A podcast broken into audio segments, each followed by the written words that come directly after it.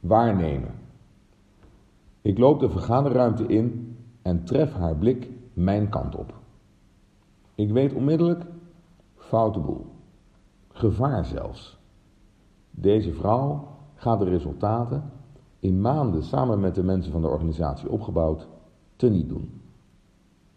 Zij is de nieuwe HR-directeur, een voorname positie in de reorganisatie die gaande is. Ik ben adviseur van de lijn. Het is allemaal voor niets geweest. Hoe ik het weet, in die split second, weet ik niet. En natuurlijk heb ik er alles aan gedaan om mijn eigen tegendeel te bewijzen. Dat ik het verkeerd aanvoelde. Ik heb mijn hele repertoire aan interventies ingebracht om tot gezonde samenwerking te komen. Het buffelen heeft niet mogen baten.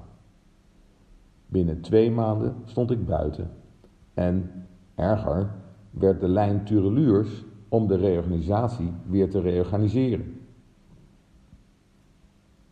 Intuïtie is een soort zesde zintuig. Horen, kijken, proeven, voelen, ruiken. Alle lichaamstaal is communicatie. Een bron van informatie. Als mens ben je continu aan het waarnemen. Je zintuigen raadplegen. Voordat je keuzes maakt.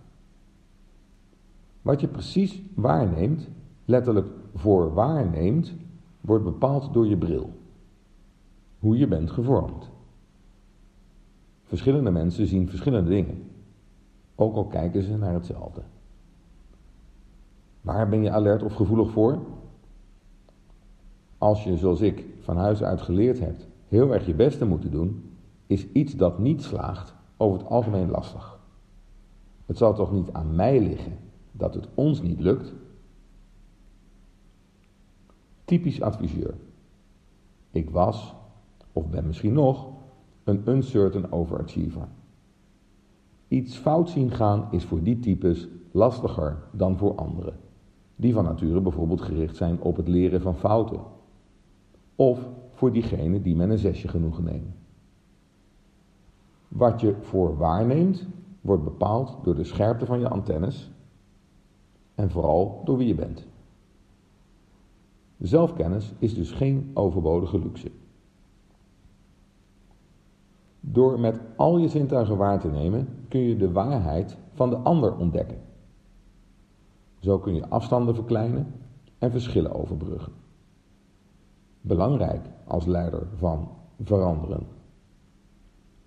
Luisteren naar wat er gezegd wordt, of juist naar wat er niet gezegd wordt. Aarzeling, stilte. In combinatie met het waarnemen van de toon en het non-verbaal. De ogen, lichaamstaal, de opstelling aan tafel, de volgorde van de sprekers. Naast rationele dus ook emotionele en intentionele communicatie. Informatie die gaat over verbindingen en verhoudingen. Intuïtie is daarin van hoge waarde. Maar erop vertrouwen is niet zomaar. Het vergt een intieme relatie met jezelf. Zelfkennis door je te realiseren hoe bepalend je verleden in het heden is. Het leven dat je hebt geleden geeft je inzicht in je bril. Bezie dat lijden om goed te lijden. Waarnemen als bron voor keuzes. Ik roep ons daarin op intuïtie serieus te nemen en de argumenten wat te laten. Dat had mij toen de tijd twee maanden buffelen voor niets gescheeld. De HR-manager in kwestie heeft nog een aantal jaren in die positie gewerkt en is uiteindelijk met pek en veren. Als de schade aan de organisatie niet zo groot was geweest, zou dat een prettige genoegdoening zijn.